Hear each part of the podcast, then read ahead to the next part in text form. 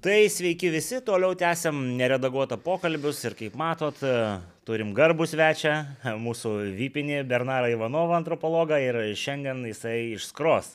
Taip, išskros. Jo. Temą, temą matėt, aišku, mes mm. šiek tiek galbūt nuo jos ir nukrypsim laiku, nu, vingiuojant, bet, bet kokiu atveju ir Bernaras Va. temą matė, ir klausimą turi. Nu, Turime, Bernarai. ir klausimą mes turim. Klausimas toks, kasgi naujais metais labiausiai nustebino, ar net šokiravo? Nu, pasakysiu.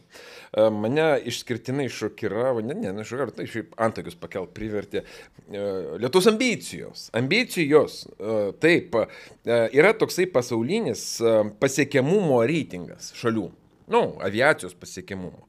Lietuva dabar priminsiu iš 150. Aviacijos jo, pasiekiamumo. Iš 100 maždaug 500 šalių, kur ten skraido kažkas, užima šimtąją vietą. Šimtą. Ir mūsų ambicijos iki, iki 30 metų užimti 85. Šachas ir matas. Mūsų ambicijos 30 metai, pabrėžiu, užimti 85. Nu, ber, Bernarai, aš karpą būsiu velnio advokatų, taigi mes tokia maža rinka, niekas pas mus neskraido. Va. O kur yra Estai, kur yra Latvija? Uh, jie mus lenkia šviesmečiais, daugiau pasakysiu, mus aplenkus yra patys, sako, va. Uh, taip, pagal 19 metų duomenys, uh, ES, uh, žodžiu, mus iš esmės visą lenkia, lenkia Estija, Slovenija, uh, o taip pat Armenija, Azerbaidžanas, Uzbekistanas. Nu, bet kokios rinkos? Kokios rinkos? Uzbekistanas, aфиgenna rinka. Va, nu, čia lyrika. E, va, dar vienas dalykas, nu, negaliu nepasidalinti. Tai. Mūsų aplankė uh, Krakenas. Krakenas, Krakenas. Žinot, čia labai įdomi istorija. Bernarai, mes, lab, mes labai trumpai paliesim, labai trumpai. Ar jūs dabar anonsuosit skiepą? ne, anonsuosiu tai, kas vyksta su ta istorija. O vyksta tikrų tikriausias, aš sakyčiau taip, toks įdomus procesas. Jeigu jūs matėt antrą Hario Poterio seriją, ten yra epizodas prie spintos, kur iš spintos išeina mokinukų košmarai. Ir juos reikia paversti uh, kažkuo juokingu, linksmu ir tokiu būdu išsklaidyti tuos siaubo visus kerus. Uh, Hario Poterio tas monstras pavirsta žaislu, uh, mokto liupo, knesis vilkolaikis mėnesieną pavirsta balionėliu, o voras, košmaras, jis pavirsta tuo, kuris čia žinėja ant skeito. Nu, žodžiu, aš manau, tie, kas sugalvo šitą pavadinimą, jis ne, ne, netelpa į jokią schemą. Jie užsima tikrų tikriausių trolingų ir E, tiesiog sako, ja, istorija, kuri buvo tragedija ir košmaras, virsta vat, kažko tokiu. Nes kitaip to paaiškinti neįmanoma. Nebent, gal, čia, gal čia koks nors gudrus žodis yra iš e, ne, lotynų kalbos. Krakenas nėra gudrus žodis, tai yra, nu nebent tai yra dar naujos piratų, karibų piratų serijos anonsas. Visi žino, gal jie iš tikrųjų pradėjo filmuoti ir Džeko Sparrow laukia prisikėlęs Krakenas, kuris, kaip pamenam, kažkur ten daly gavo galą ir buvo išmestas į krantą ir liūdnai mirksėjo. Tai va, Krakenas iš viso, kas sprendžiant, jūrą grįž ir mes dar pamatysime, nežinau, ar Johnny Deepą, ar kažkokį imposterį, va, jo vaidmenį, nes, nu, Johnny Deepą priminsiu, jį užkencelino ultraleftistai už tai, kad jis niekaip nenorėjo susitaikyti su žmona, kuri, kaip jis sakė, tuštinosi į lovą. Va, nesišlapino, bet tuštinosi, žodžiu, taip ir buvo pasakyta teismo proceso metu, kuris laimėjo. Bet koks skirtumas, laimėjai tu ar nelaimėjai? Šiaip, fu, ir viskas. Ir daugiau tu, va, eik į Europą ir vaidink Liudvika 15. Bet filmas irgi bus, atrodo, neblogas. Vienaip ar kitaip mes iš tikrųjų anonsavom mūsų istorinės atminties temą. Ir ji nepaprastai reikšminga, ji nepaleidžia mūsų. Ir aišku, čia ir tas pats Smetonos paminklas. Iškart noriu pasakyti visiems ten Smetonos mylėtojams ir heiteriams, kad man absoliučiai vienodai. Realiai vienodai. Nu, Bernarai, bet, bet, bet, bet Bernarai, mes, mes turim disclaimerį duoti. Mm -hmm, Bernaro disertacija yra, ga, ga, galima sakyti, iš Smetonos. Tai Taip. Ir, ir, ir visi, kurie skaitė bent truputėlį, sakytų, kad nėra Bernaras Smetonos didelis uh, fanas. Va, ne, reikalas tas, kad iš tikrųjų buvo tų diktatorių visokiausių. Va, Karlas Ulmanis šalia gyveno. Jisai apskritai sakė, kad yra vedęs e, Latviją, nes, nes žmonos neturėjo. Buvo Piacas Estijoje. Ir reikalas tas, kad jie visi liko su savo tauta iki galo niekas iš jų nepabėgo. Bet kaip jie baigė? Jie baigė įvairiai. Baigė vien... psichuškai arba... arba... Šiam aštuntais jo, tas Petsas, o Ulmanis nuo vidurių šiltinės atrodo mirė. Uh, Kad tai sušaudė, man atrodo. Ne, ne, ne, nuo lygos, kiek pamenu, nuo lygos. Mm. Nes šo, uh, mūsų irgi prezidentai, va, juk irgi liko uh, grinių tik ketvirtais, bet tai ten paskui jis irgi mirs iš karto praktiškai.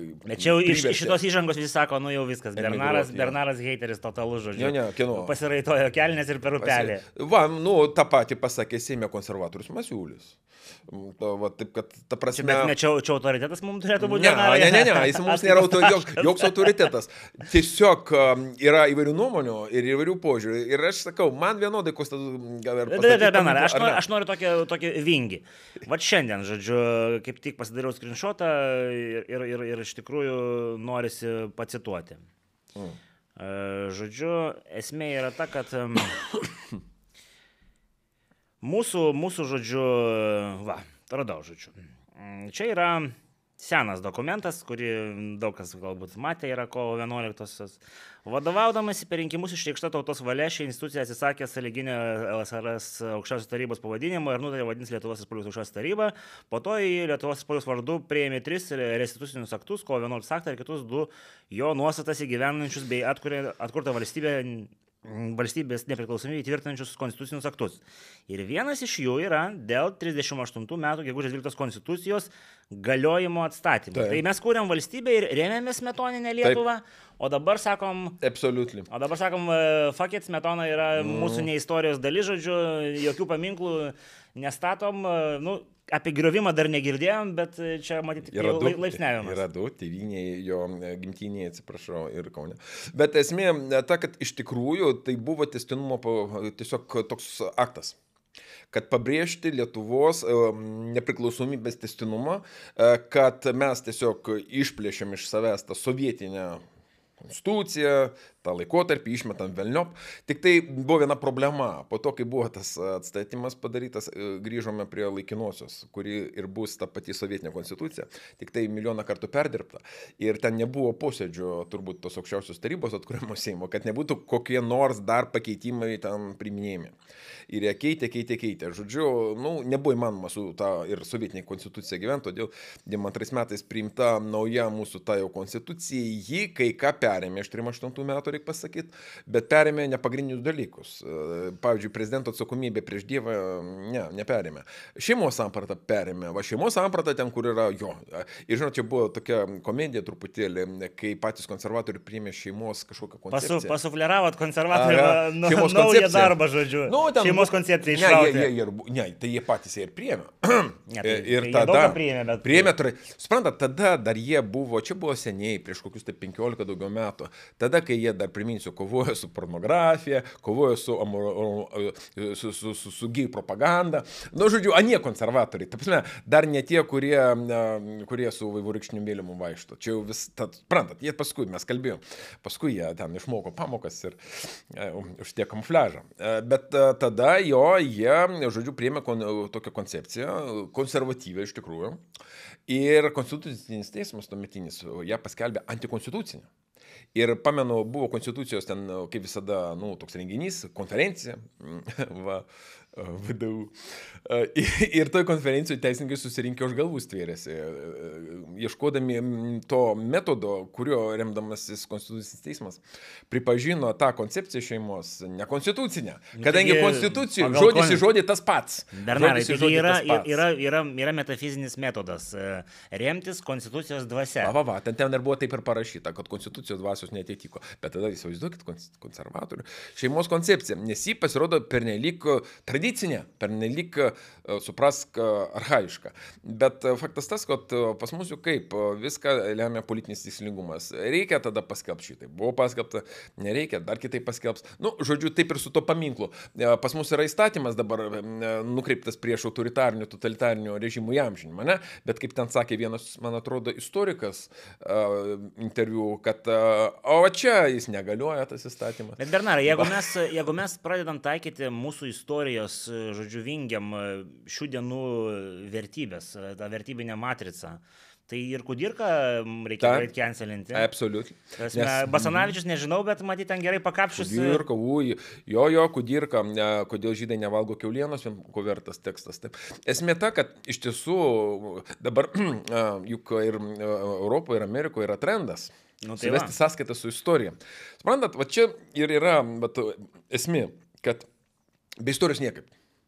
Nors istorija e, atrodytų absoliučiai toks modernus fenomenas, kaip disciplina ir kaip, e, ne, ten, žodžiu, interesų laukas, e, faktas tas, kad nuo netmenamų laikų politikai istoriją naudojasi.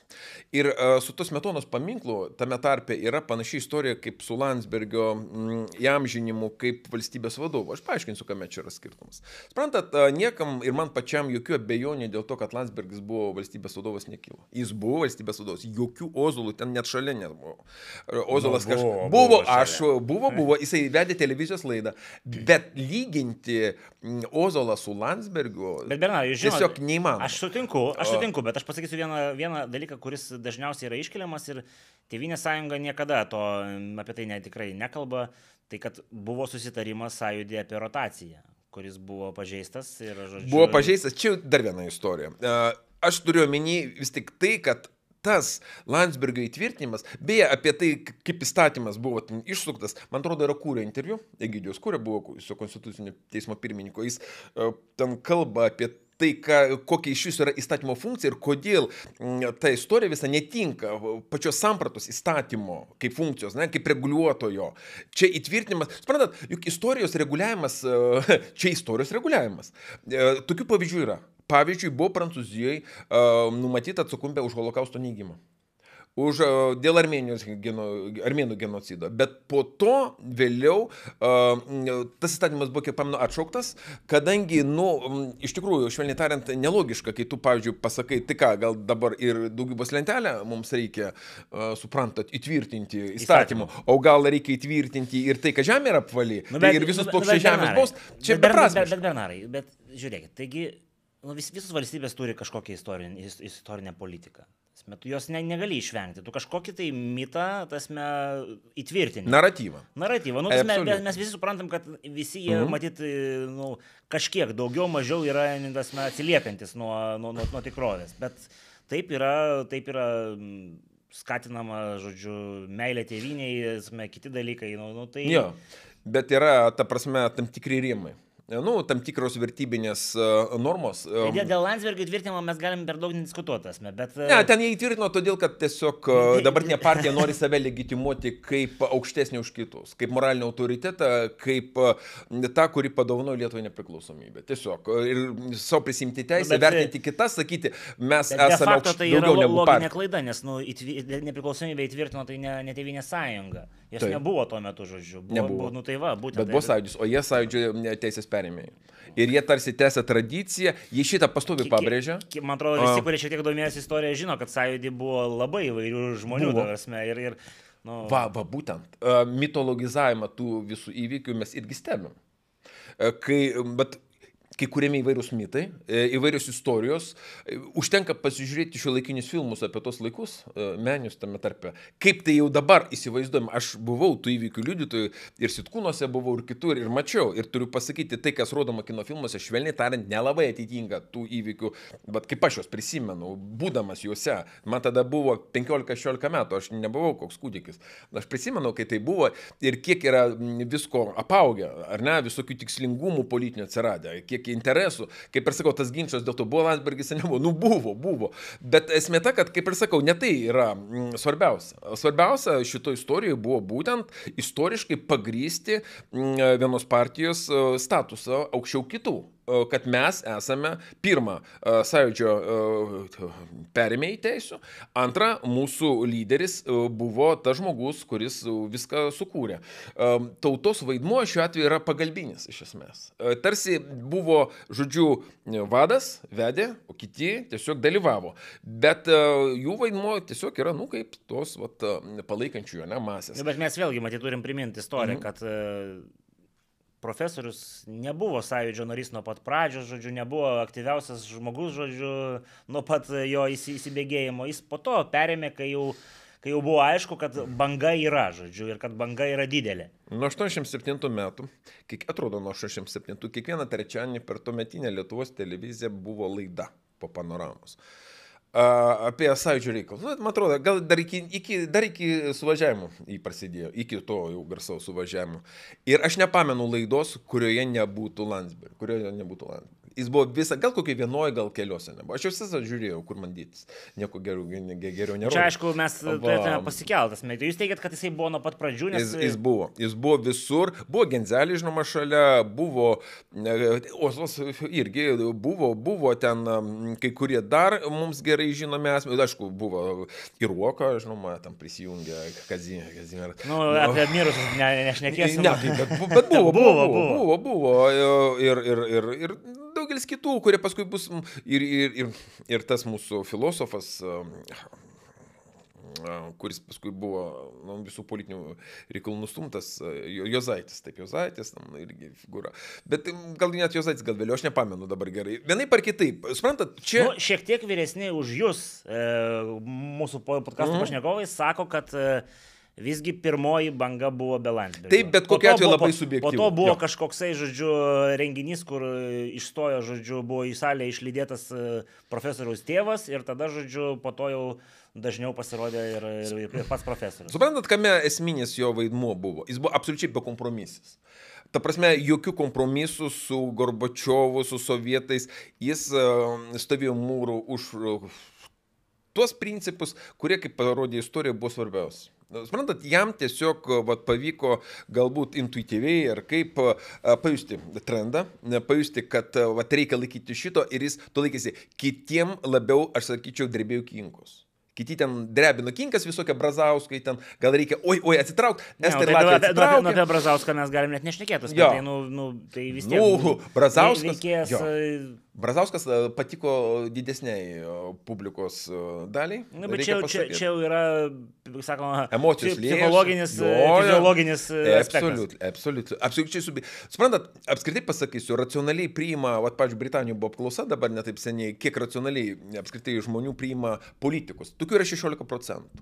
Visi kiti priima emocionaliai, jausmiškai, žiūrėdami į gestų kalbą, žiūrėdami gražus, negražus, aukštas, mažas, plaukuotas, plykas ten blondinas briunetas arba briunetė, nu, žodžiu, ir, ir taip toliau. Taip kad šia prasme, čia, va, mes to prieisim prie tų pačių istorikų, kurie bando viską racionalizuoti, kaip ir politologai, viską sugrūsti savo tų koncepcijų prokrūsto ložę.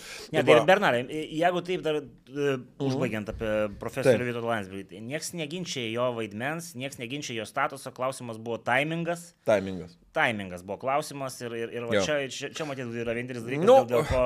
Va, reiktų, čia aš žinau, kas galėtų atsakyti tą klausimą labai aiškiai, tai aišku, Rytis Bulota, jisai parašė disertaciją apie sąjūdį. Jis parašė disertaciją ir knyga išėjus yra. Tai pasižiūrėkit, aš manau vertas dėmesio tekstas, kiek pamenu, jisai labai ilgai ir nuobodžiai dirbo ties jo. Vadovavo jam tada Bronis Genzelis, ne paskutinis žmogus sąjūdį irgi, kaip jūs žinot. Va, taip kad jo, bendrai įmant, čia aišku asmeniškumai įvairūs suvaidino didžiulį vaidmenį, reikia pasakyti, Landsbergis sudėtinga asmenybė, labai sudėtinga asmenybė. Ir, nu, pasakysiu taip, mano senelis pasako pasakojo apie Landsbergį dar tada, tais laikais, kai jis buvo, nu, sakant, tiesiog intelektualas. Jie žaidė šachmatais, susitikdavo, bendraudavo muzikiniam teatre, jis ateidavo pas jį su šachmatais. E, man senelis pasakojo, tada kaip tik, nu, jis mirė 96, e, bet mėgo labai istoriją ir pasakojo. Ir mes man visada pabrėžia, kad žmogus jisai tikrai geras, bet humoro jausmas pas jį labai savotiškas, humoras pas jį savotiškas ir jis labai dažnai lieka nesuprastas tiesiog. Kartais pasako taip, nu, vaibai, vaibai, o jiem labai, kiek suprantu, neblogai sutarė, žaidė šach, nu, šachmatai suartina, žinot, ten visą kitą. Va, taip kad ir man įspūdis va, apie Landsbergį, jeigu man senelis, kur aš tikrai pasitikėjau, tai visada asmeniai, žinau, subjektyvus dalykai. Sako, kad žmogus geras, aš tikiu, kad jis geras. Nepaisant visko, kas ten apie visokius tvartelius ten ir visokius tos kitus dalykus ten buvo pasakoma. Taip, dar ten buvo istorija, kaip tenais į kirpyklą transportų važinėjo tenais Landsbergio žmona. Ne, nu, nu, čia, čia suprantate. Čia, čia, čia, čia nesminiai dalykai. Ne, absoliučiai, absoliučiai, absoliučiai. Todėl aš, ta prasme, aš šiek tiek esu subjektivus, vadovaujuosi to, ką pats prisimenu, negaliu būti istoriku šito vietu. Istoriku aš būti negaliu, kadangi esu įvykių liudininkas subjektivus. Plus dar, kaip sakau, asmenės patirtis. Va, yra, kurgi dingti. Va, nu ir Landsbergį teko man pačiam sutikti, mūsų pažino Bronius Genzelis vienoje konferencijoje. Nu, tai kokie įspūdžiai, tai nebendravomėsgi tiek, tai kad ten, va, neturiu asmenio kažkokio santykių įspūdžio, neturiu, negaliu nieko pasakyti, žmogus ir žmogus, va, padaręs, manau, tikrai didelį darbą, o po to, aišku, pasinaudoti norinčių atsiranda visada. Čia nėra turbūt atvejo, kai kokia nors asmenybė, kokie nors politikai savo tikslais nenorėtų pasinaudoti. Aišku, juk gali ir sužaisti tame tarpe ir su nu, kiekvieno žmogaus noru šiek tiek, ar ne, tos garbės. Taip, gali pasinaudoti irgi, taip, ir tai visada buvo. Ir ko norėt. Mm, taip kad šią prasme, nu, vat, jo istorija čia atsiskleidžia, jos panaudojimas e, taip pat. E, juk e, ir tas pats mūsų smetona labai meistriškai, nu, nežinau, gal ne visai meistriškai naudosi Vytauto autoritetu. Na, jis puoselio Vytauto kultą, mm, Vytauto mirties metinių, va, tas minėjimas, paminklas Vytauto iš tikrųjų daugiau smetonai ir taip toliau ir panašiai. Istorijos, taip sakant, apologėtų ten ir istorikų pasie aplinkui buvo pilna, aš jums priminsiu priminsiu, jo bendražygis Valdemaras istorikas. Beje, Smetona pats buvo filosofijos istorikas iš esmės. Jis užsėmė filosofijos istoriją, pagrindiniam dėstėm universitete, ten ta visą Platono, ten antikos istorija. Taip pat, aišku, Izidris Tomušaitis istorikas, jo svarbiausias nu, propagandistas, paskaitų ciklą apie tautininkų ideologiją rengęs, dėstęs jiems tą ideologijos principus, apie istoriją kalbėjo nemažai, apie jos svarbą, istorinės atminties atitinkamai nukreiptos, švenčių ten organizavimas ir visa kita. Suprantat, visa tai buvo tiesiog dalimi e, tos vat, to meto tarpukario situacijos. Ir Bet gerai, aš, aš, aš, aš kitai kitaip paklausiu. Vis tiek, e, kaip ten bežiūrėsi į mūsų tarpukario prezidentus, nu, svoris metonos yra. Ir ne tik dėl, e, kaip sakoma, to auto, autoritarinio, žodžiu, momento jo karjerą, kuris buvo didesnis, mm. bet, nu, yra ir kiti dalykai, žodžiu. Ir čia E, nu, mes negalim jo išbraukti. Ne, išbraukti jo niekas ir nebandys niekada, aš manau. Kaip ir sakau, paminklam galima pastatyti ir net ne vieną. Čia, nes, o, kaip jums, o kaip jums ta lokacija? Nes čia aš mačiau ir Lenkai šiek tiek įsižeidė yra. Visgi teatras ne, ne, ne rusų ten va, buvo, žodžiu. Va, Valenkojo, jo. Uh, mūsų lokacijom irgi visada būna klausimų. Kur pastatyti, ką pastatyti. Pas, bet, nu, bet ten yra argumentas, kodėl ten. Uh, Nu, nu, nu yra. Yra ir, ir, ir Basanačius paminklų yra argumentas, kodėl tenai. Čia argumentų visada daras. Ir, ir, ir reikia statyti, e, iš esmės, turbūt. Nu, pažiūrėkit. pažiūrėkit. Politkorektiškai pasakėt. Pa, pažiūrėkit, pas mus nėra paminklų normalių kunigaikščių mūsų. Nu, nėra. Suprantat, istorijos atmintis e, visada turi kažkokį... Nu, turim Vilniuje du, e, šitą, Gedimino ir, ir Mindaugo. Mindaugas sėdi, žodžiu, o Gediminas lunatikuoja, atsiprašau joja, ar vedasi žirgą. Man atrodo, būtent. Suprantat, tu gali kurti kažkokį tokį vėlyvojo sovietmečio modernistinį grožį. Jo, bet prieš tai tu turi pastatyti kažką tokio, kas yra nuobodžiai, ar ne, nu, klasiška, tai? Kaip ten antai Londone, kaip antai Paryžiui, kaip antai kitose miestuose, Vokietijos, ten Austrijos ir taip toliau. Nu, bet gal jie statė tuo laikmečiu, o mes statė, o, me, o mes negalėjom statyti, bet Taip. tai neatleidžia mus nuo pareigos pastatyti normalius paminklus. Tu gali statyti visokias postmodernes e, nesąmonės, bet prieš tai tu pastatyk kažką padaraus, e, kad būtų kažkokia skaito sistema. Pastatyk normalų e, paminklą, kuriame bus pavaizduotas normalus valdovas, normaliai atrodantis, o ne kažkoks užšlifuotų ten veidų ir nežinia kas iš vis, kažkokia abstrakcija, kažkokie, nežinau, ten architektų sapnai, va, paskui galiausiai apskritai Gediminas kažkokiu nusižemė. Ką reiškia va, ta poza Gedimino? Tai reiškia nusižeminimą, pasidavimą faktiškai. Nu, čia daug kas apie tai sakė. Čia, aš sakyčiau, tai yra tiesiog nu, kažkokia provokacija. Suprantat, normalus valdovas, jeigu jisai didis kunigaikštis, nu, jis turi būti ant žirgo. Tai yra absoliučiai tokia nu, normali e, valdovų vaizdavimo tradicija Europoje. Jie tai vaizduojami karaliai, valdovai, nu, sostuose vaizduojami, bet rečiau šiaip paprastai ant arklio.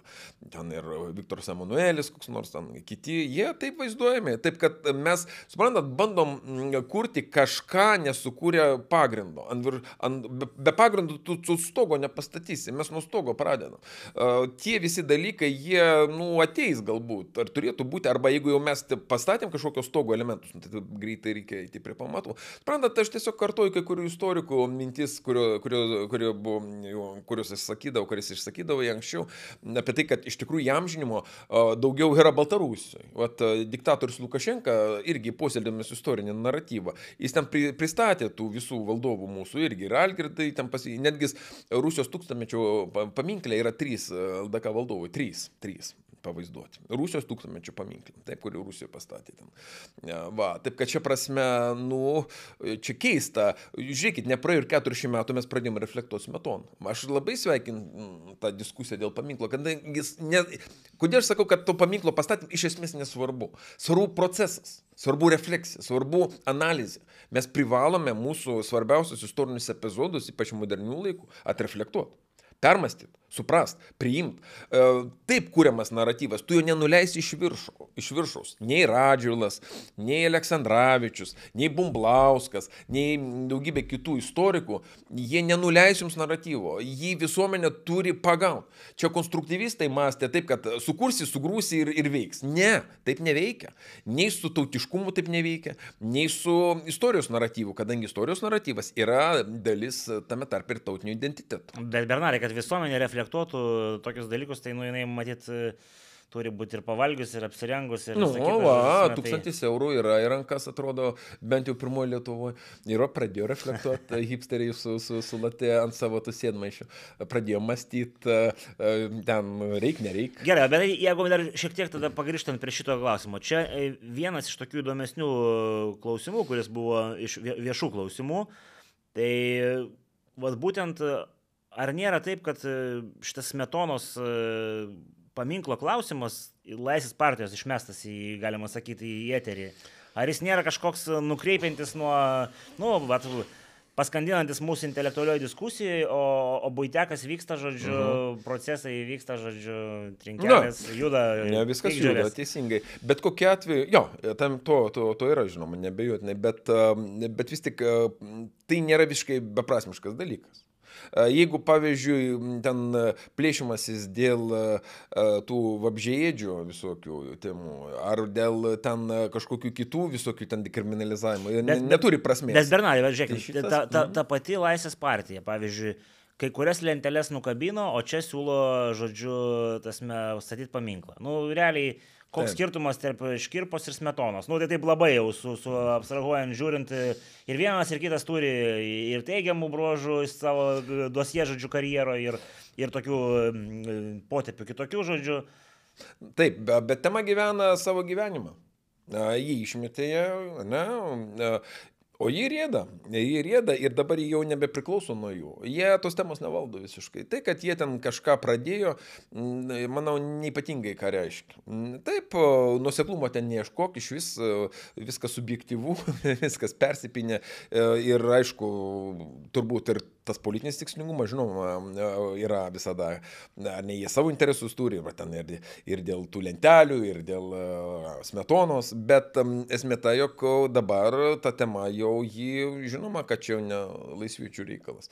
Ji gavo pagreitį, jį įtraukė kaip tas sukūrys vis daugiau ir daugiau žmonių iš įvairių grupių, iš įvairių ten sluoksnių, partijų ir, ir, ir teisininkai prisijungė. E, Čia visi, ir, žurnalistai, ir teisininkai, ir Visiškai istorikai, teisingai. Visiškai teisingai. Suprantat, vėlgi aš pasakysiu, va, senelis mano gyvenime labai svarbus žmogus. Ir aš turiu irgi savo subjektyvių išgyvenimų. Ir šia prasme, nu, kadangi jis buvo socialdemokratas tarpu karį. Socialdemokratas 36 metais partijas uždarė. Jis atitarnavo armijai. Tarnavo kariuomeniai, buvo patriotas Lietuvos, buvo socialdemokratas kairiotos partijos. Nu ką, ir Klaipėdoje fabrikai įsikliuvo. Su, jau po 3-6 metų, nu, žodžiu, įkliuvo su socialdemokratų atsišaukimu. Nuvežė į pagėgius ir ten kankino elektrą. Suprant, kankino elektris man pasako, kaip prijungė jam tos elektrodus, kaip kankino tiesiog besimėgaudami ir e, sakė jam, kad išmokins į smetoną mylėti. Va, taip, kad aš čia turiu subjektyvų išgyvenimą, o jo brolis tautininkas Aršus ir Valdemaris sakė, taip, Sakė, tau taip reikia. reikia. Taip, tau reikia. Jo Boleslavas, va. Tai mano senelį Karolį, jie ten kankino Karolį Štendelį žiauriai. Va, todėl čia yra tam tikrai subjektyvus brolio, aš jo nepažinojau, jis ir partizanų buvo pokariai, paskui ten daug kas veikė, žuvo. Va, bet jis buvo tautininkas, e, o jis, vat, e, vat, jis buvo iš tų socialdemokratų nelaimingų, o su socialdemokratais smetonos laikais buvo va šitaip. Su kuningais irgi, aš jums pasakysiu, su krikdemais irgi. Ne tik cenzūra, bet ir iš sakyklų tiesiog per pamaldas, per mišes buvo vaizdašnikų traukiami kunigai. Tiesiog, va taip ateina į bažnyčią ir kuniga, kuris kalbėjo, gal net ir ne dabar jis kalba, bet kalbėjo kažkada kažką prieš smetoną. Nu, kad tau, p- už krikdemus. Jį tiesiog už pakaro išvelka, muša parapiečio akivaizdu. Ir be to, mm, na, aš savo knygą rašau beje tos epizodus, kuriuose ten straipsniuose rašiau apie tai, ten krikdemai, kai kurioj net savo spaudoje, tai cenzuruotoj, am, ten prasprūsdavo vienas kitas epizodas, jūs uždarydavo ten, ėjo rytas bent raštės iš jūsų, ta prasme, rytas be pavadinimo. Ta prasme, eina laikraštė, o pavadinimo nėra. Nu, balta vieta. Paskui, aišku, ten ta cenzūra dar labiau sustiprėjo, ten prispaudė kaip reikiant ir tiesiog ėjo užsakomieji straipsniai, ten neužsakomieji, ten privalomi, kur tiesiog tautininkai patys rašė ir dėjo į krydėmų spaudą, nenurodant, kad tai, žodžiu, čia, nu, ne, ne, ne, ne, ne krikdėmų. Tokia va cenzūros forma buvo taikoma 20 amžiuje, tas irgi buvo, ten, 20 amžiaus leidinys toks, jeigu ką. Va, taip kad, žodžiu, kliuvo visiems ir žiauriai.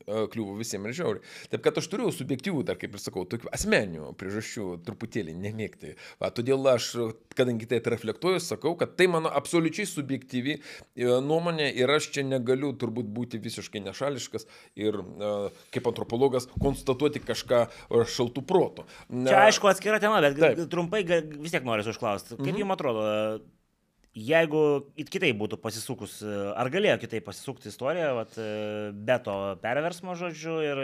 ka- kokia- Negalėjo. Negalėjo. Negalėjo. Ne. Negalėjo. Viskas, kas įvyko, turėjo įvykti. Autoritarizmas tai buvo trendas, buvo visuotinis trendas. E, Ir esmė ne tai. Daugelis tautų išgyveno autoritarizmą ir paskui vis tik kažkaip pasuko kitą kryptim, susitvarkė. Va. Be, be to, žinokit, tarpukarį reikia tai aiškiai pasakyti. Valstybėje tas metonas gyveno savo, o žmonės gyveno savo. Čia nereikia įsivaizduoti, kad smetona valdė kažką ten ypatingai. Nieko panašaus. Valstybės buvo mažai. Valstybės buvo mažai, aš jums daugiau pasakysiu. E, Nebuvo jokių pensijų. Aš jau norėjau Nebuvo sakyti, kad sodros. pasakojate. Ne, nebuvo. Dėl to buvo geras gimstamumas. O, Buvo geras ta- Jo, e, elektra brangiai kainavo. Va, tamsu. Bet, žodžiu, nu, tai buvo, kaip sakyt, grinai va, žmonių, aktyvių žmonių darbo rezultatas. Tie pasiekimai, tai buvo žydų pasiekimai, nu, sakykim, vat, a, vandentikis ir Kauno kūrimas iki 96 metų, ne, kai atsirado centralinis vandentikis, kanalizacija. Nemažai dalykų, jūs pažiūrėkite, tie namai, kurie buvo pastatyti tuo metu, tai didžiąją dalimi tai buvo žydų pastatyti namai. Žydai kėlė ekonomiką, žydai kėlė gamybą, pramonę, kiek tai buvo įmanoma, prekybą, o visi buvo nužudyti. Per holokaustą jie visi buvo nužudyti.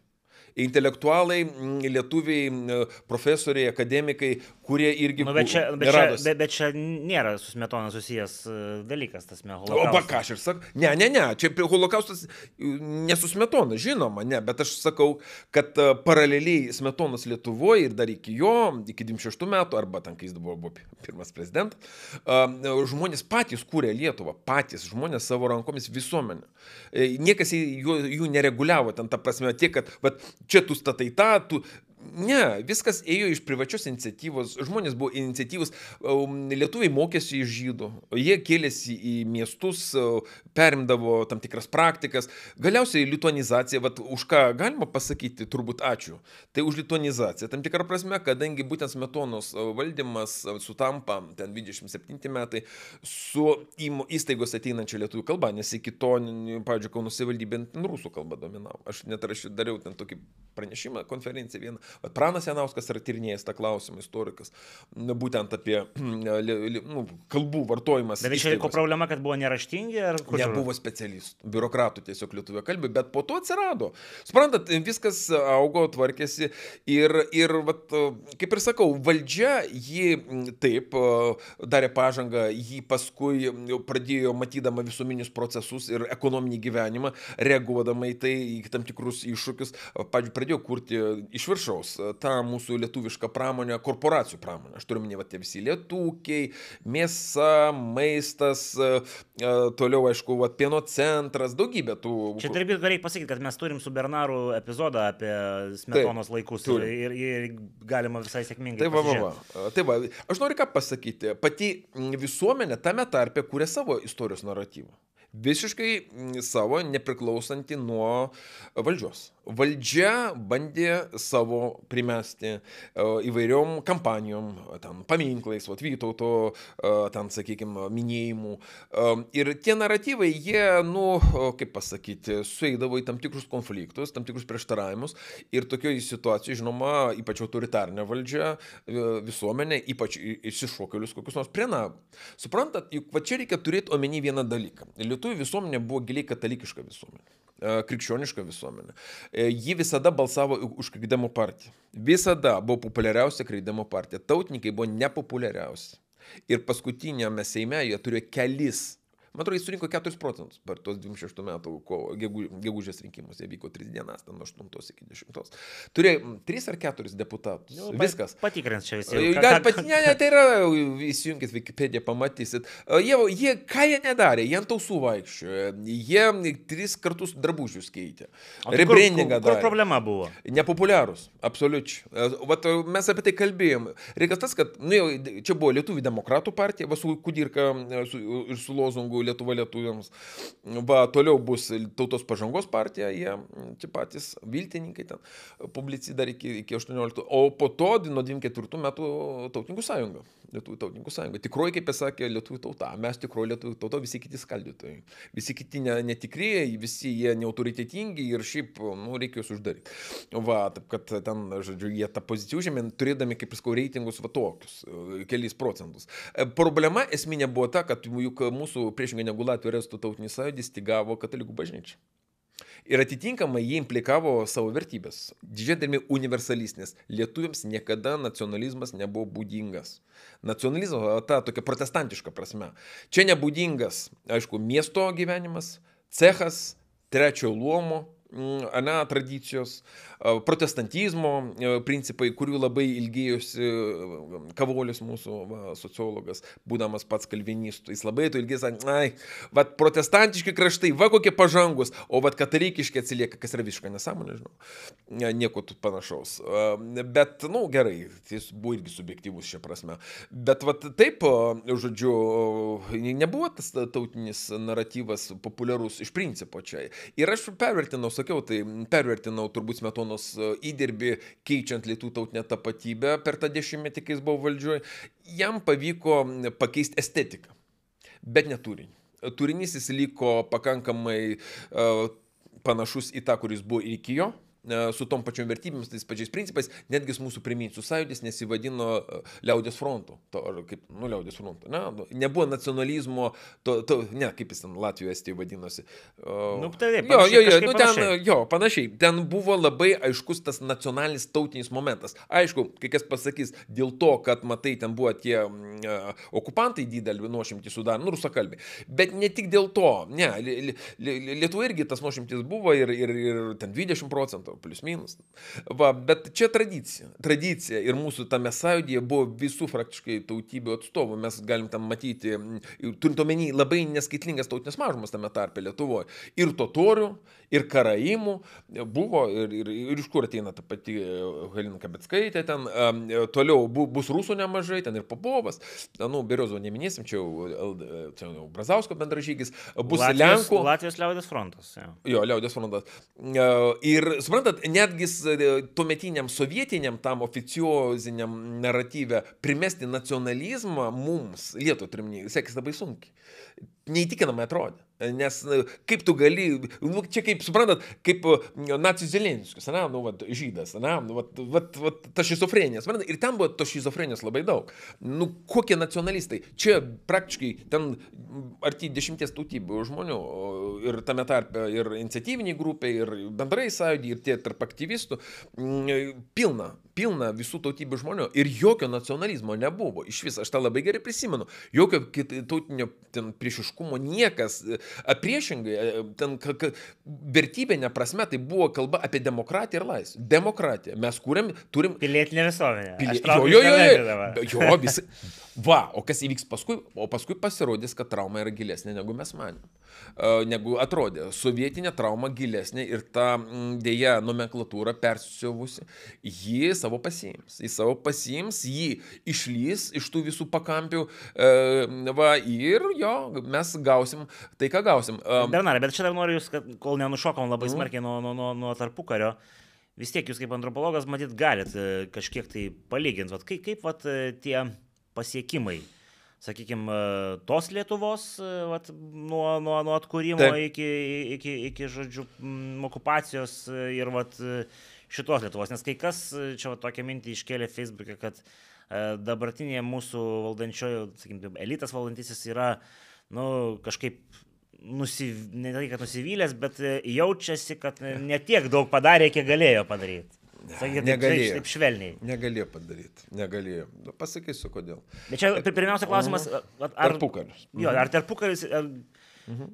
Pagal to laikmečio standartus ir taip. viską, ar, ar jie daugiau nuveikė, ar mažiau? Suprantat, 19 amžiui, 20 amžiaus pradžioj mūsų visuomenė, nors ir baudžiava ir visi kiti dalykai, ne visur beje, jinai buvo, bet gyveno daugiau mažiau normalų gyvenimą. Tai gyvenimas buvo daugiau ar mažiau normalus. Bet ką reiškia normalus? Normalus tai reiškia, nebuvo masinių represijų, nebuvo masinių žudinių, nebuvo holokausto nebuvo visiško kryptingo atskirų socialinių sluoksnių naikinimo, nebuvo kovos su intelektualais, nebuvo to, ką galim pavadinti hunveibinų judėjimo. Ne? Nu, bet, pavyzdžiui, sovietai mus labiau milavo, ne, ne sovietai, turiu minėti Rusijos imperiją, negu kokius Latvijos ar, ar Estus. Pas musgi buvo draudimų daugiau. Draudimų tai buvo, bet suprantat, vis dėlto genocido, tokio kryptingo fizinio genocido, aš turiu minėti, nebuvo. Plus mūsų ta visuomenė, intelektualai, jie nebuvo uždaryti. Mūsų tas pats Basanavičius, jis keliavo, taip beje priverstinai, nes ne, neturėjo teisės dirbti Lietuvoje, jis keliavo į Bulgariją, susipažino su Rakovo, uh, uh, atsiprašau, Gabrovo, Gabrovo tradicija, Gabrov. Nu, Gabrovas Bulgarijoje buvo centras tautinio sąjūdžio. Toliau Praha. Jo žmona vokietė, Prahoje jis uh, susipažino su čekų, uh, sakykim, naratyvais, metodais veikimo prieš Austrijos Vengrijos imperiją. Na, ten, ir kiti intelektualai irgi lygiai taip pat, jie buvo pakankamai tarptautiški. Situacija buvo kita, visiškai kita. Ir žmonės įžengė 18 metus, jie vis dėlto nesugniuždyti, nesunaikinti, nesuluošinti, o su viltimi, suprantat? Su... Jūs, jūs sakot, kad tie keli šimtai metų mūsų tamsios duobės duobės, e, kuri buvo, buvo netokia tamsi kaip šitie kaip, 50. Kaip, jo, be jokios abejonės. Vis dėlto, net ir būdama siaubinga imperija Rusijos, na, paskutinė imperija, paskutiniu savo valdymo laikotarpiu, pradedant tenais, nu, vat, 20, 19 pabaiga, 20 amžiaus pradžia, nu, tenais buvo ir tų premjerų, Stolypinas buvo, aišku, reikia suprasti, jie nebuvo Lietuvai palankus. Kategoriškai ne.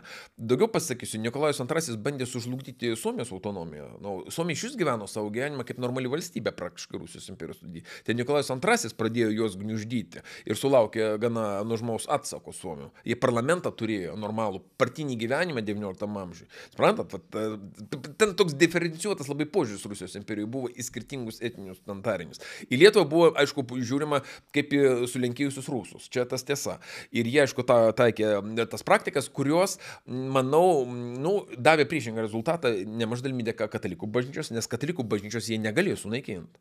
O katalikų bažnyčia per savo kampanijas, kurias organizavo knygnešių, nu, mes apie tai kalbėjome, ten uh, antialkoholinė beje ten suveikė irgi neblogai.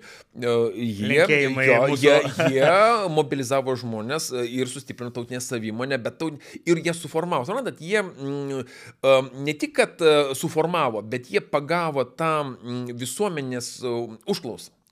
suprantat, vat, tautiškumo nacionalizmo tyrinėtojai, jie priskirimi keliom mokyklom. Yra tie modernistai, kurie iš vis galvoja, kad elitas gali sukonstruoti bet ką ir įdėkti bet ką, e, kaip koks e, ten e, Brubakeris, ne, konstruktyviai, nu, ar Gelneris. Yra tie, kurie sako, kad viskas yra iš prigimties, nu, tie primordialistai, kad tipo tautiškumo genas yra. Nu, jie nemokslinė tai koncepcija, tiesiog jeigu gimiai, tai ir būsi ir negali iš viso net pajudinti. Antropologai su to kategoriškai nesutinka, ką žmogus apie save sako, tai reikia priimti. Nu ir yra evoliucinės tos koncepcijos. Bet dar iš šito galima toli plaukiančias tai ir plaukia. ir plaukia, va, tie, tie primordialistai. E, yra tie evoliucionistai, e, Anthony Smithas, ten e, Karlas Deutsches, ir Hasas, ten daug kitų yra teoretikų, kurie sako, kad taip, elitas konstruoja istorinį naratyvą, bet jis negali būti visiškai dirbtinis absoliučiai išgalvotas, iš nuo nulio sukurtas. Visuomenėje, nors ir nelabai reflektuojančioje, to tokio arhaiško, vis tiek yra vaibai tautiniai. Turi pagaut, turi rezonuoti, suprantat? Ir aišku, katalikų bažnyčia formuodama savo tą strategiją, tautinės tapatybės formavimo strategiją, nes tai vienintelis buvo kelias atsilaikyti prieš rusinimą, prieš katalikų bažnyčios naikinimą Lietuvoje, prieš stačiatikybės, tos valdiškos stačiatikybės, kabutėse stačiatikybės. Ir tada ta stačiatikybė rusiška buvo iš esmės kabutės. Ten nuo sinodalinio valdymo pradžios, ten galima apie tai irgi daug kalbėti, kaip ten valdžiai buvo pajungta bažnyčia, ta cerkvė, kaip ji tarnavo tiesiog rūporų ideologinių, propagandinių iš sakyklų, kad ten tie popai paaiškino, ne, už carą. Tai va, ir dėl to tas surezonavimas galiausiai privedė prie susiformavusio tam tikro suvokimo tos praeities istorijos, aišku, mitų nebejotinai, bet tai, kaip pasakyti, susikūrė, sustabarėjo ir užsifiksavo. Todėl e, tam, kad tą pakeisti, vat, smetonos laikais, reikėtų turbūt imti kuvaldas ir pradėti viską daužyti. Daugiau pasakysiu, sovietams nepavyko. Ir ačiū Dievui. Sovietai pasėmė kuvaldas ir pradėjo daužyti, va tą žiūkždinę istoriografiją mūsų vadinamo juodoji, e, kur ten buvo viskas pagal ideologinį tą principą jau sovietinį, ten sujungė sovietinę e, pasaulyje žiūrą su carinės Rusijos ir jie tą bandė naratyvą primesti. Ne, nepavyko iš esmės. Nepavyko, nes istorikai, tie, kurie ir studijavo, kurie tapdavo istorikais, net ir toj traumuoto mūsų sovietiniai Lietuvoje, jie vis tiek buvo tokių tyliojo pozicijoje, sėdėjo ten užsiraukę ir, kaip papasako ten Genzelis kiti, taip, pirmosios puslapiuose pacituodavo ten tą, ką reikėjo pacituoti, Leniną Marksą ir ten kitų, o paskui rašė tai, ką reikia rašyti. Aišku, bijojo, siubingai bijojo, e, ten e, minėjo ten vieną istoriką, kuriuo buvo matuojama baimė va, prieš sovietų valdžią. E, tiek to istoriko, tiek neminėsiu pavardės, šaunus istorikas, va, 18 amžiaus daugiau, jis tyrinė 18 amžių apšitą. Bet, bet jo, jo, bet labai bijojo, bet siubingai bijojo, nedaug dievai gulagą iš jo. Nors jis jau čia vėlyvuoju, to, nu, brežnevizmo laikais dirbo, taip kad niekas jau tada ir nevežė. Prasidėjo tas vadinamasis Sovietų sąjungoje tas tokio sovietinių humanizmo kabutėse laikotarpis. Nu, čia buraškos laikotarpis, ten to krokodilo genas laikotarpis, tų visų keistų filmų su humanistiniu naratyvu laikotarpis. Tai jau ten kita epocha, suprantai, nebe stalinizmas. Tai va, nes mus traumavo siaubingas stalinizmas, o va, tarpukarį dar kartą noriu pasakyti, Lietuva kūrė, valstybė buvo savo, valstybė rūpinosi iš esmės nuo pat pradžių, va, saugumu, ne, nepriklausomybė, kovos, karas, nu, tam tikrais tokiais strateginiais dalykais, nu kaip ten žemės reforma, pavyzdžiui, ne, va, tas teigiamasis Seimas, konstituciniai principai, o visuomenė gyvena savo gyvenimą. Ir buvo čia va, visuomenės gyvenimas, čia valstybės gyvenimas. Ir tik tai, va, ir savo pasaulyje žiūrą tą turėjo, savo santykius su tautinė mažumom formavo ir savo ekonominį e, gyvenimą kūrė.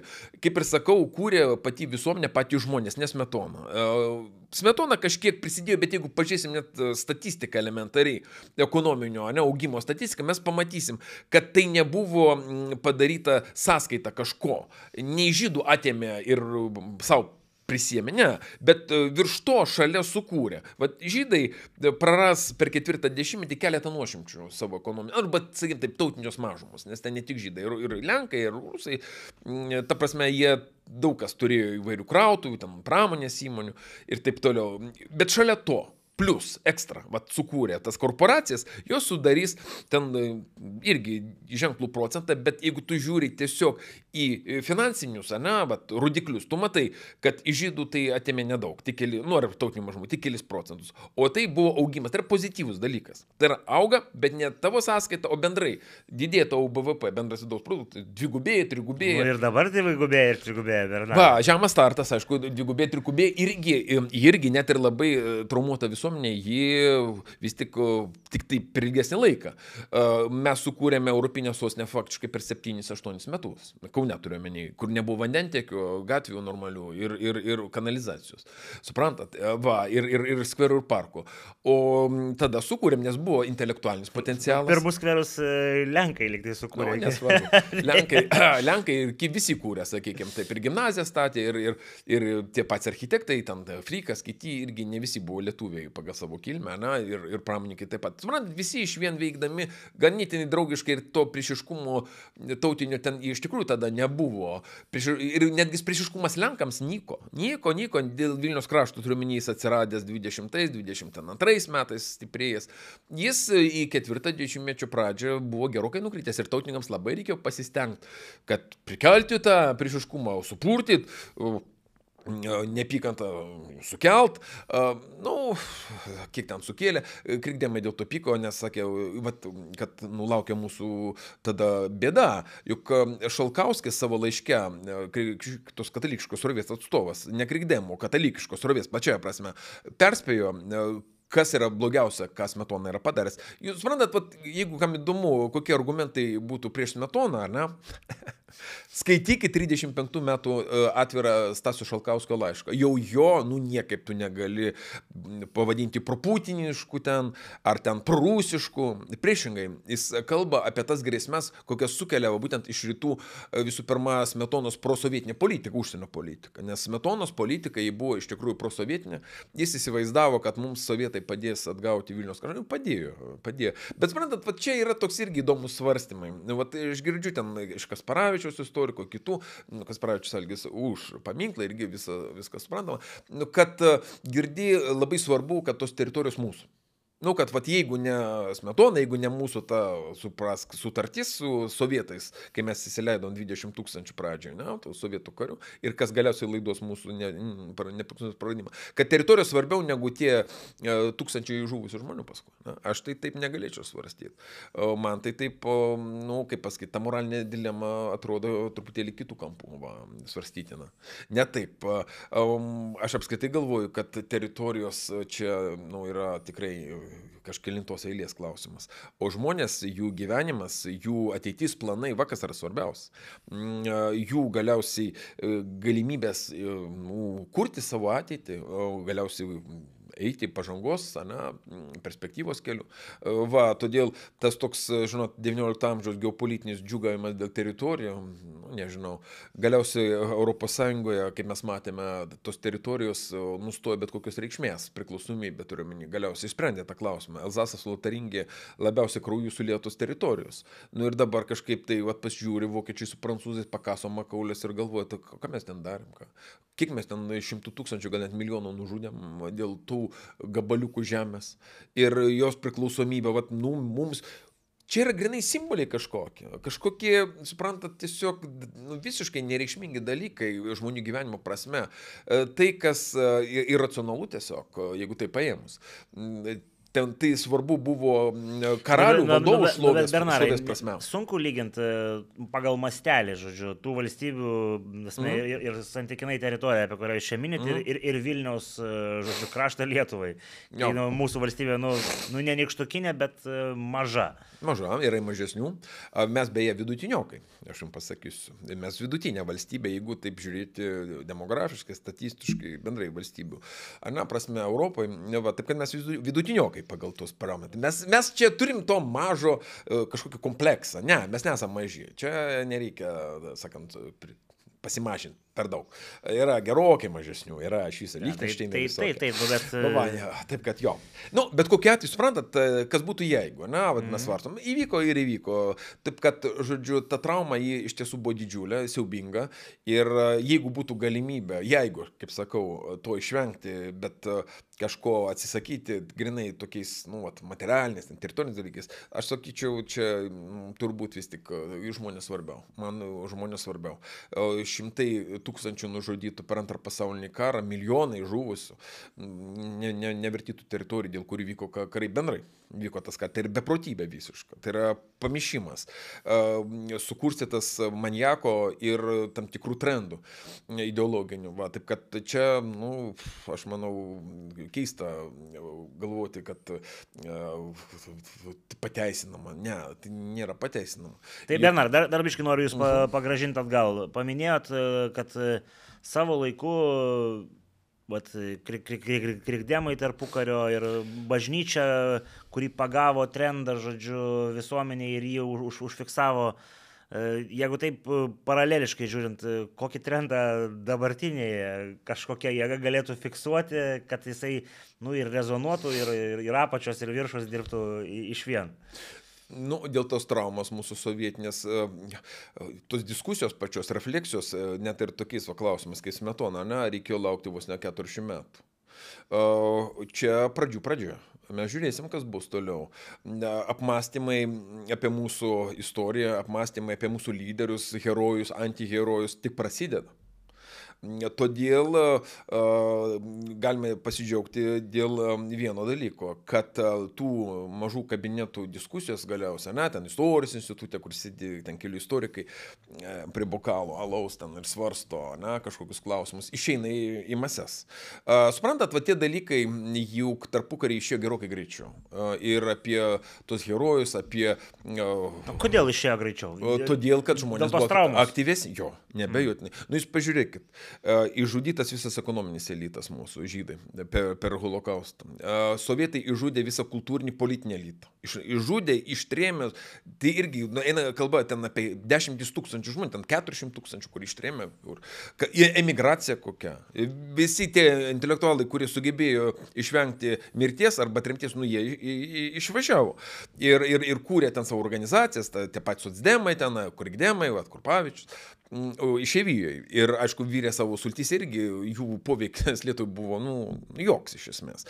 O kas čia liko? O čia liko, va, ta neigiama atranka, konformistai, ne pats geriausias socialinė prasme, ne, va, darinys. Ir iš to paskui kažkiek rutuliavosi, augo tai, kas Bet augo. Mes, čia turim- mes čia turim paliesti. Taigi kaip tada sąjūdis, jeigu tik tai visi konformistai, žodžiu, ir, ir, ir negatyvioja atranka. Čia daug iš karto atsiranda pasipiktinusių, sako, tai Ruseno. Ruseno. Ir Ruseno, aišku, bažnyčiai. Toj pačioj, nes e, nedrįso sovietai su buldozeriu perėti prie bažnyčių. Nu, jūs pažiūrėkite, disidentinis judėjimas iš esmės. Tai jisai grįstas kuo? Katalikų bažnyčios kronikos. Toliau, um, tikinčiųjų teisų gynimo ne, visa kampanija ir organizacija. Uh, šalia paskui atsiranda Helsinkio grupė. Nu, mes žinom, na, nu, galiausiai ir Terleckas paskui. Va, kas gali būti laikomi, kuriuos galima laikyti tais jau disidentais pasauliečiais. O tai bendrai man nuo pat pradžių, tai aišku, tai yra bažnyčia, yra pasipriešinimo sovietizacijai būtent avangardė. O ateina tas trendas vat, iš, iš išorės iš esmės. Helsinkio grupė tai yra ne vien tik Lietuvos Helsinkio grupė, tai yra tarptautinis dalykas. Iš Rusijos ten, ten Kovaliovas, kiti žmonės aktyviai veikia kartu su mūsų su Petkom ten ir, ir kitais, ar ne, Helsinkio grupės atstovais. Tai buvo toks tarptautinis trendas ir aišku, jis suteikė būtent reikšmės, galios įtraukimo būtent dėl to, kad tai buvo toks tarptautinis trendas. Aišku, nereikia nuvertinti ir jaunimo, kuris buvo irgi vidiniai emigracijoje. E, Tas jaunimas e, tame tarpe prisiminė ir partizanio pasipriešinimo istoriją, juk nepamirškim, tas partizanis pasipriešinimas irgi nusinešė geriausių sunų, ne, gyvybės. E, Taip kad po to, kiek tų žmonių jaunų prisimenančių tą istoriją, ne, liko jie būriavosi tose e, neformaliuose jaunimo grupėse visokiose, tu galėjo juos vadinti ten hipiais, vadinti kitaip, ten gerokai daugiau negu hipiai. Čia pankai, aš daugiau. Pan, pan, pankai, metalistai, jo, jo. Ne, tai gerokai daugiau negu tik tai. Čia aš sakyčiau, kai tu vartoji tas savokas, ne, taikydamas tom jaunimo grupėm, tu sumenkinės. Tai gerokai daugiau. Ten buvo gerokai intelektualinė prasme vis tik stipresnis darinys, nei ten vien kažkokios ten, žinot, tokios va, pankų ar hipių organizacijos. Va, todėl, aišku, Kalantos istorija yra būtent tų organizacijų istorija, vienai par kitaip, iš ten ateinanti istorija. Todėl šitas momentas jis, žinoma, parodė ką, kad visko užspaus nepavyko. Kad sovietizacija Lietuvoje net ir po visų tų siaubingų traumų nepraeina jį tiesiog nepraeina. Net ir komunistų toj partijoje ten tas tylus sabotažas, teisingai Brazauskas šioje vietoje sakė, nuvyko, vyko. Tiesa, jie paskui, aišku, ten nudegradavo smarkiai. Nes nepasleiskit. Jo, jo, jo, degradavo, žinoma, degradavo, degradavo.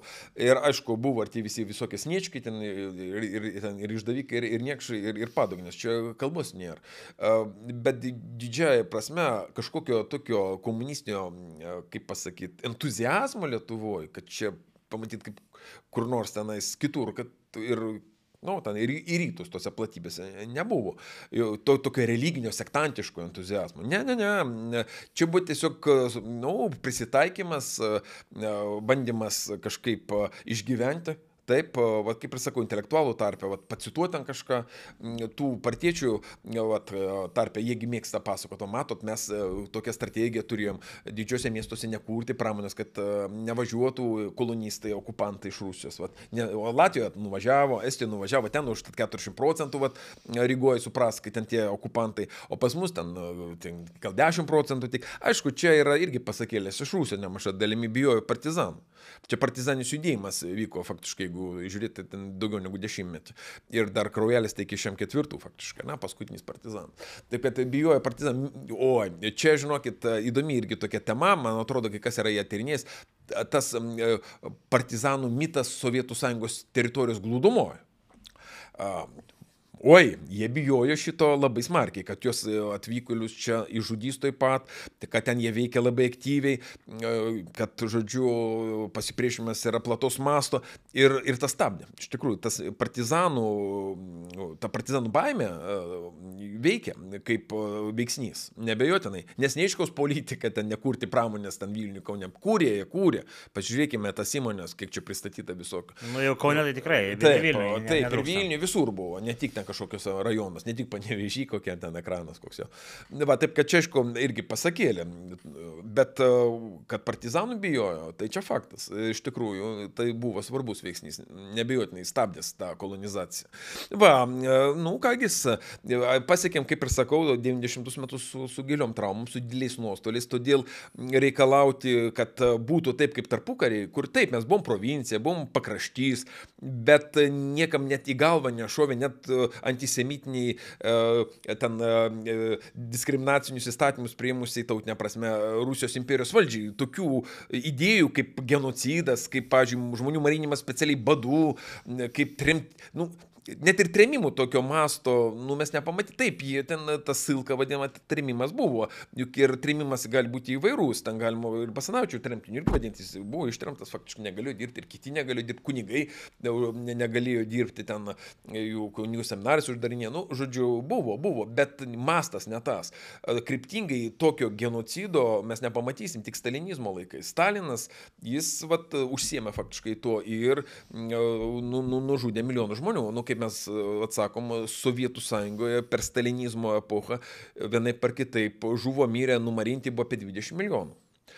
Jūs išgirsite tai kartais vat, statistiką žiūrėdami, kad ten palėtė tie visi represiniai veiksmai, ten 3 procentus Sovietų sąjungos piliečių. Nu, tenai 750 tūkstančių buvo 3.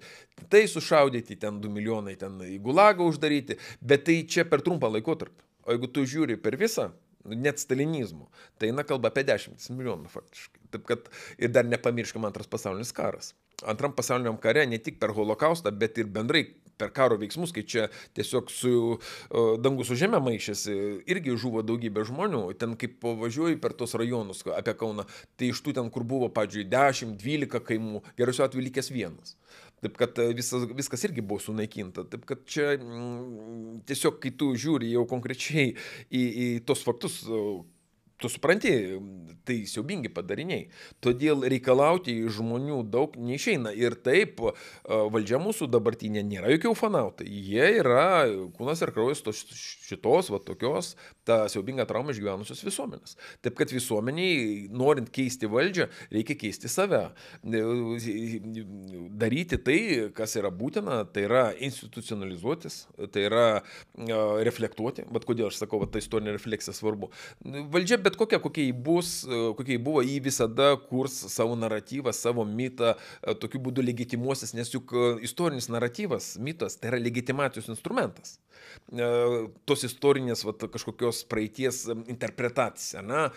ar tai mes paimsime tenais Landsbergio va, ne, postulavimą, ar paimsime Vytautą, Taigi, Dieve mano, tai nuo antikos laikų, tas niekam nedingsta. Mes paimkime Virgilijos Eneidą, e, kuriai skūrė legitimuodamas e, e, Oktavianą Augustą pirmam amžiuje prieš Kristų ir po Kristų. Jis valdė nuo 3 iki 14, nu, 3 prieš Kristų. 14.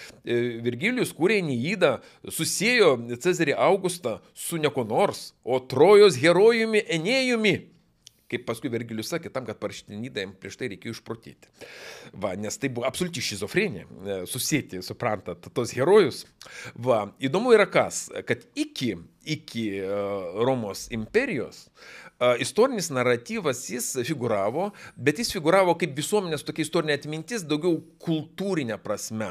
Tai yra, nu, vat, kažkokia poezija, kažkokia literatūra, kažkokie padavimai, legendos, viskas suaugę buvo su filosofija ir su mitologija, su religija netgi sakyčiau. Pavyzdžiui, graikai tą savo istoriją būtent taip ir interpretavo. Jiems nebuvo svarbu ten penktam amžiui prieš Kristų Atenuose grįsti legitimumą ten kokiais nors ten 12 amžiaus prieš Kristų ten įvykiais. Jie tiesiog apie tai turėjo tam tikrą tokį mitologinį įsivaizdavimą ir tiek. Netgi, pavyzdžiui, jeigu mes paimsime šumerus, ten valdovai vis tik įvairius mitus puoselėdami, puoselė vertybinę tradiciją, ne istorinę, bet vertybinę. Jiem buvo svarbu pabrėžti tam tikrus principus, tam tikras vertybės, valdžios vertybės. Nu, vat, ten, sakykime, Galgamešo mitas tas pats. Ne, Galgamešas apskritai buvo manoma ilgą laiką, Šumerų vienas iš tokių vat, veikėjų, kad tai buvo mitologinė būtybė. Nieko panašaus atkasė, atrado, buvo valdovas Galgamešas, kurio mitas įėjo į istoriją kaip vat, tam tikras pavyzdys, kuris pasakojo žmonėms ką, kad nemirtingumo nereikia, kad gyvybė pervertinta, nu, jis, tu to istoriją jisai ieško nemirtingumo.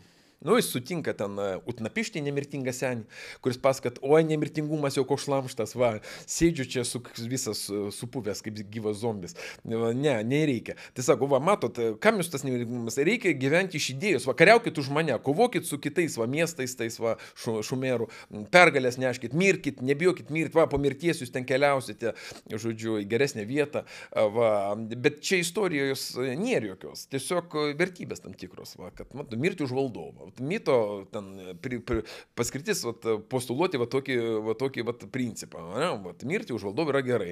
Pasigimtičius tas pats, ne, po, tik pozityvas, visur tik pozityvas, taip, mūšiai, visokie ten įvykiai pozityvus, pergalės visokių faraonų, bet irgi ten kaip tokios istorijos nėra. Ten yra irgi vertybiniai dalykai. Paklusnumas, ten pamaldumas, faraono kaip dievo garbinimas va, ir taip toliau. Vat, naratyvo laužytojas rašytojas garsusis, va, e, ten vienas iš tų, va, Echnatonas, na, vienas iš tų garsių žmonių, irgi jis juk ne istoriją perrašė, ne savo legitimumą kažkokiais istoriniais tenais mitais e, grindė, bet e, jis pabandė religinę reformą įvykdyti. Suprantate, ten buvo religinė tokia sąmonė, o po to ateina, ateina Romos imperija, o tada viskas keičiasi, o tada istorija gauna visą, visai kitą prasme ir tada tas naratyvas istorinis tampa legitimacijos valdžios valdžios dalimi, kadangi nebelieko jokios net minimalios demokratijos.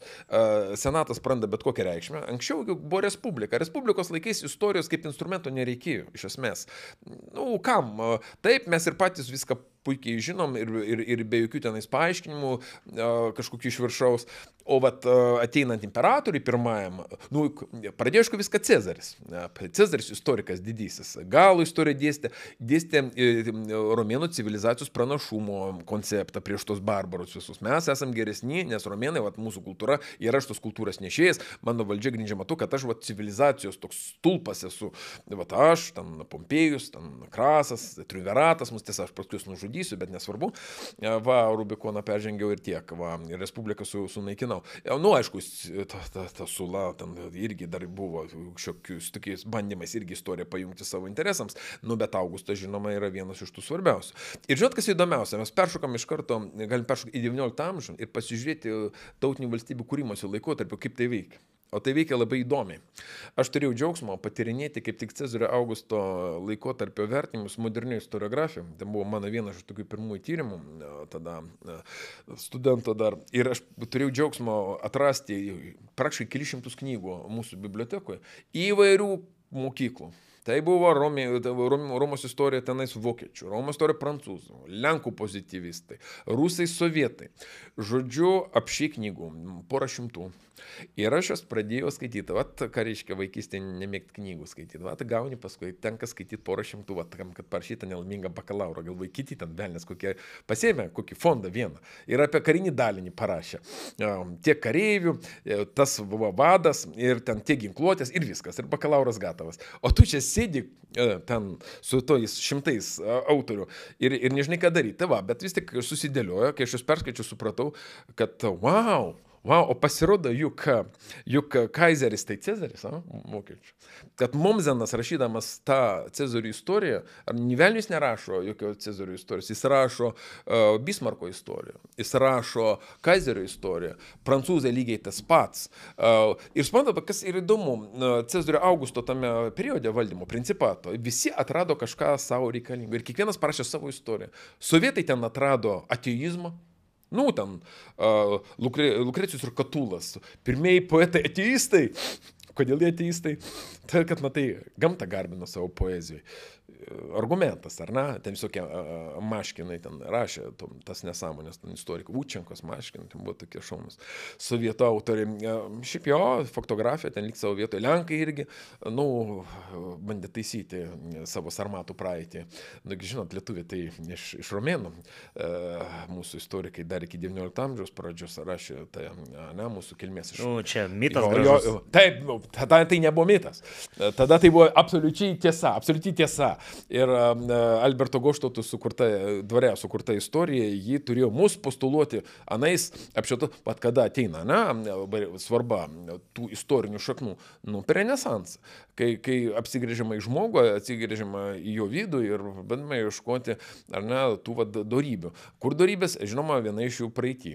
Mes, mes romėnai, mes va tie esame antikiniai herojai, tiesiog prispausti, nuskriausti ir reikalaujam savo. O Lenkai sarmatai, iš sarmato, o sarmatai, nu tai sarmatų būti sarmata. Taip. čia į poeziją, na. jo, jo, jo, mes naisim ir poeziją, žinoma, čia. Ne, ne, be abejo. Va, vienai par kitaip, kaip ir sakau, būtent nacionalizmo epocha, būtent tautinių valstybių kūrimo epocha, ji pakelia istoriją į visai kitą lygmenį. Galiausiai ta moderni istorija atsiranda iš to. Kai vokiečiai pradeda kurti savo reichą, antrąjį, dar tada ačiū Dievui, tai jie, žinoma, neria su galva į lyginamąją kalbotyrą, į etnologiją, į antropologiją, į istoriją. Tada istorikai įsižada filosofų draugijos ir jie atsiskiria, bando aiškinti, kad jie vieninteliai tiesos žinovai. Jie pasakojo tiesą pozityvistinę, taip kaip buvo iš tiesų idealas Leopoldo von Rankės, būtent toks, parašyti kaip buvo iš tiesų. Hmm? Visus faktus surinkti, kuo nuobodžiau, to geriau. Va, tik tai žiūri, žiūri, o gaunasi, kaip ir sakau, kaip tam anegdote, e, ar ne, neši iš siuvimo maši, mašinų fabriko sovietų e, detalės, bandai siuvimo mašinės, vis tik automatas gaunasi. Taip ir čia, tu bandai būti objektyvių, bandai parašyti, kaip buvo iš tikrųjų, o vis tiek gaunasi kažkoks propagandinis valdžios naratyvas. Ir jisai, kaip ir sakau, anglosaksam lygiai taip pat būdingas. Anglosaksai tame pačiame Augusto principato laikotarpį atrado dualizmą kuris ir jiems patiems buvo būdingas. Viena vertus, kaip sako ten toks Andrew Donaldas, e, mes tenai matome įstatymo reikšmę Non rex est lex, sed lex est rex. Ne karalius yra įstatymas, bet įstatymas yra karalius. Tačiau greta yra ir autoritetas yra moralinis autoritetas, nu kaip karalius, ten suprantat, buvo pas Britus. Nu gerai, karalius. Va. Reikia kažkaip jį. Jo, reikia jį kažkaip irgi legitimuoti. Laikai sunkus e, visada monarchijai. Todėl, sakai, va, e, ir, ir ten buvo šitaip. Ir tai yra pozityvų. Viena vertus įstatymų tu laikaisi, griežtai įstatymo raidės. Va, pažiūrėkit, Cezaris Augustas už nepadorą elgesį net savo dukterį ištrėmė. Va, ir, ir, ir tą patį Virgilijų nubaudė. Jis taip ir nežinau už ką. Jis parašė neįdą jam. Tiesiog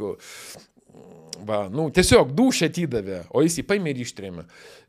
Ir paskui jis tenais savo samprotavimuose, paskui jau vėliau po tremties, ne, jis ten rašo, kad turbūt žinau už ką, va, nu, bet gal gražink mane atgal į Romą, aš daugiau taip nedarysiu. Bet nepaaiškina, kodėl. Iš viso, kas sprendžiant amoralus elgesys. Amoralus elgesys, nu, iš viso, kas sprendžiant, gal Cezaris Augustas, kokių homofobų buvo, aš nežinau, bet, bet tai nebūdinga tiem laikam. Va, nu kągis, bet kokiu atveju, žodžiu, va tep. Ir kaip ir sakau, va. Bet, tu... be, Bernard, jeigu šiek tiek pažiūrėtume dabartinis laikmetis, tai nu, jis yra toks įsižadėjimo, atsižadėjimo visko laikmetis. Tai... Nu, žiūrėkit, kas yra istorija? Istorija yra žmogus pažinimo kelias. Pats žmogus bando save pažinti.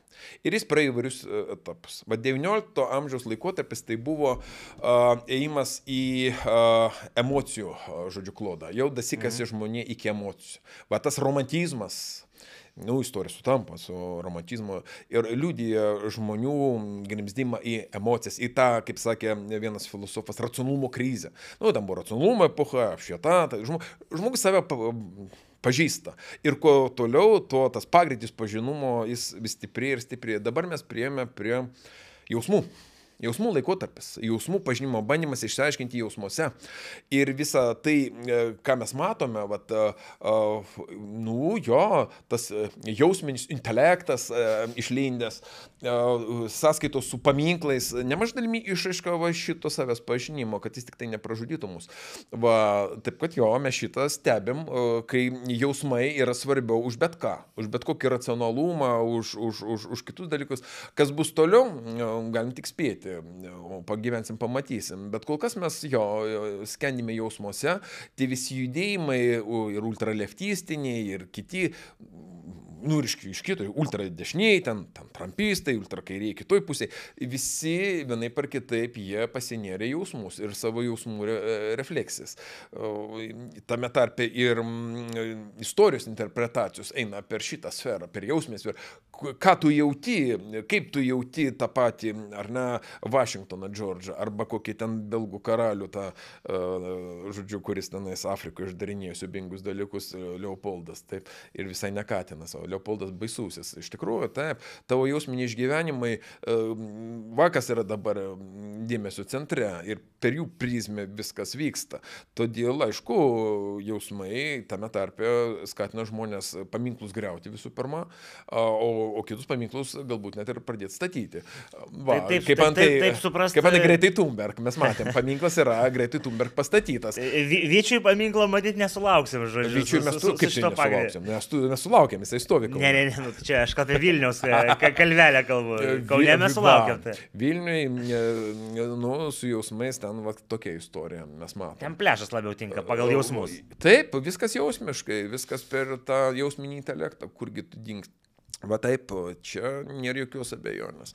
Taip, kad ir istorija, jį, tu, tu, tu eini pa žmogus su argumentu. Čia žiūrėkit, ir politikų lygiai tas pats, viskas per jausmus. Tu vat, užduodi ministrai klausimą, racionalų, ne, vat, skvernelis užduoda. O, o bet, kokį atsakymą? Pliūpsnis jausmų. Bet, bet, bet Bernardai, čia, čia, nu, Nu, ir aš sutinku, tas emocijų buvo ir jausmų. Taip, jausmai ir emocijos. Tai. Bet, bet aišku, ir klausimai tai specifiniai. Tas, nu, kodėl specifiniai?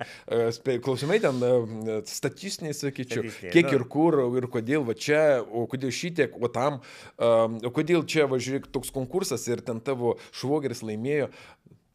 O, o, o tavo atsakymas, tau ką lūpdažys mano nepatinka. Tau gal aukštakulniai netinka, tau gal suknelė ne tos spalvos, suprantat?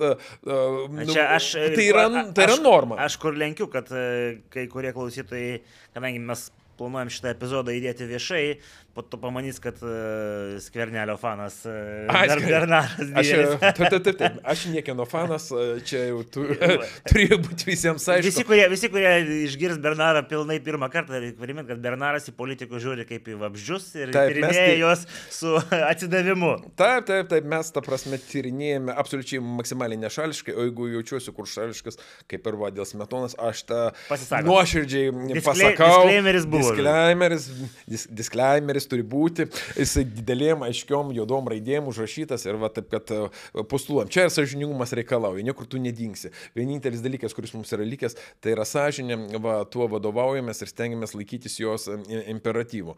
Nu, o ką daryti? Tai yra metodo esmė, turbūt antropologas visada sąžiningai viską turi įvardinti. Suprantate, to ir skiriasi nuo istoriko. Kaip ir kažkada ir sakiau, kad istorikai bando viską, kaip ir politologai, bando viską konceptualizuoti, racionalizuoti ir jiems visi žmonės yra vienodi. Žmonės jiems yra tokie statistiniai vienetai, kurie ten racionaliai pasirenka, racionalaus pasirinkimo teorija kokia, ar ne, jie tenais sprendžia kaip kolektyvinis individas, ar institucionalizuojasi per institucijas, ne, kaip institucijų teorija. O antropologai supranta, kad kiekvienas žmogus yra skirtingas. Ir kad tu visiškai netoks kaip jie. Ir tu negali per savo prizmę e, juos analizuoti. Jiem nieko primes. Ką jis pasakė apie save, tą ir fiksuok. Pasakė žmogus tau, kad taip aš esu religingas. Reiškia, jis yra religingas. Ir nesvarbu, ką kiti aplinkui sako. O, tam sako, tik ar jų tenais, ne, jie sako, nei velnius nereligingas, net jokiais stabais, nei dievais. Jeigu jis pasakė taip, reiškia, jis to. Jeigu jis pasakė, kad jis yra toks, jis yra toks.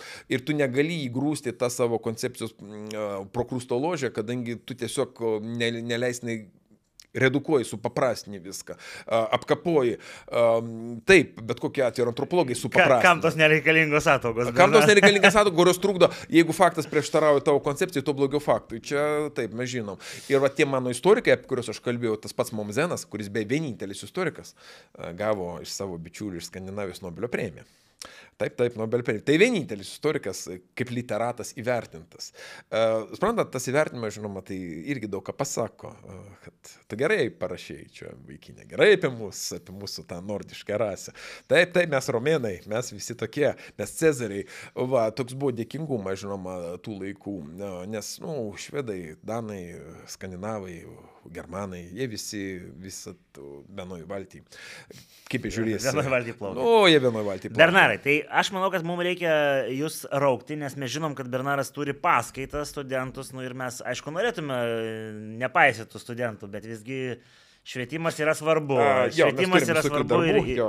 ir reikės, reikės su tais mūsų dar pabendrauti individais, niekur nedings. Tai Bernarai, dėkui kaip visada, dėkui, dėkui visiems, kurie žiūrėjot. Nu ką, ir iki kitų kartų. Iki.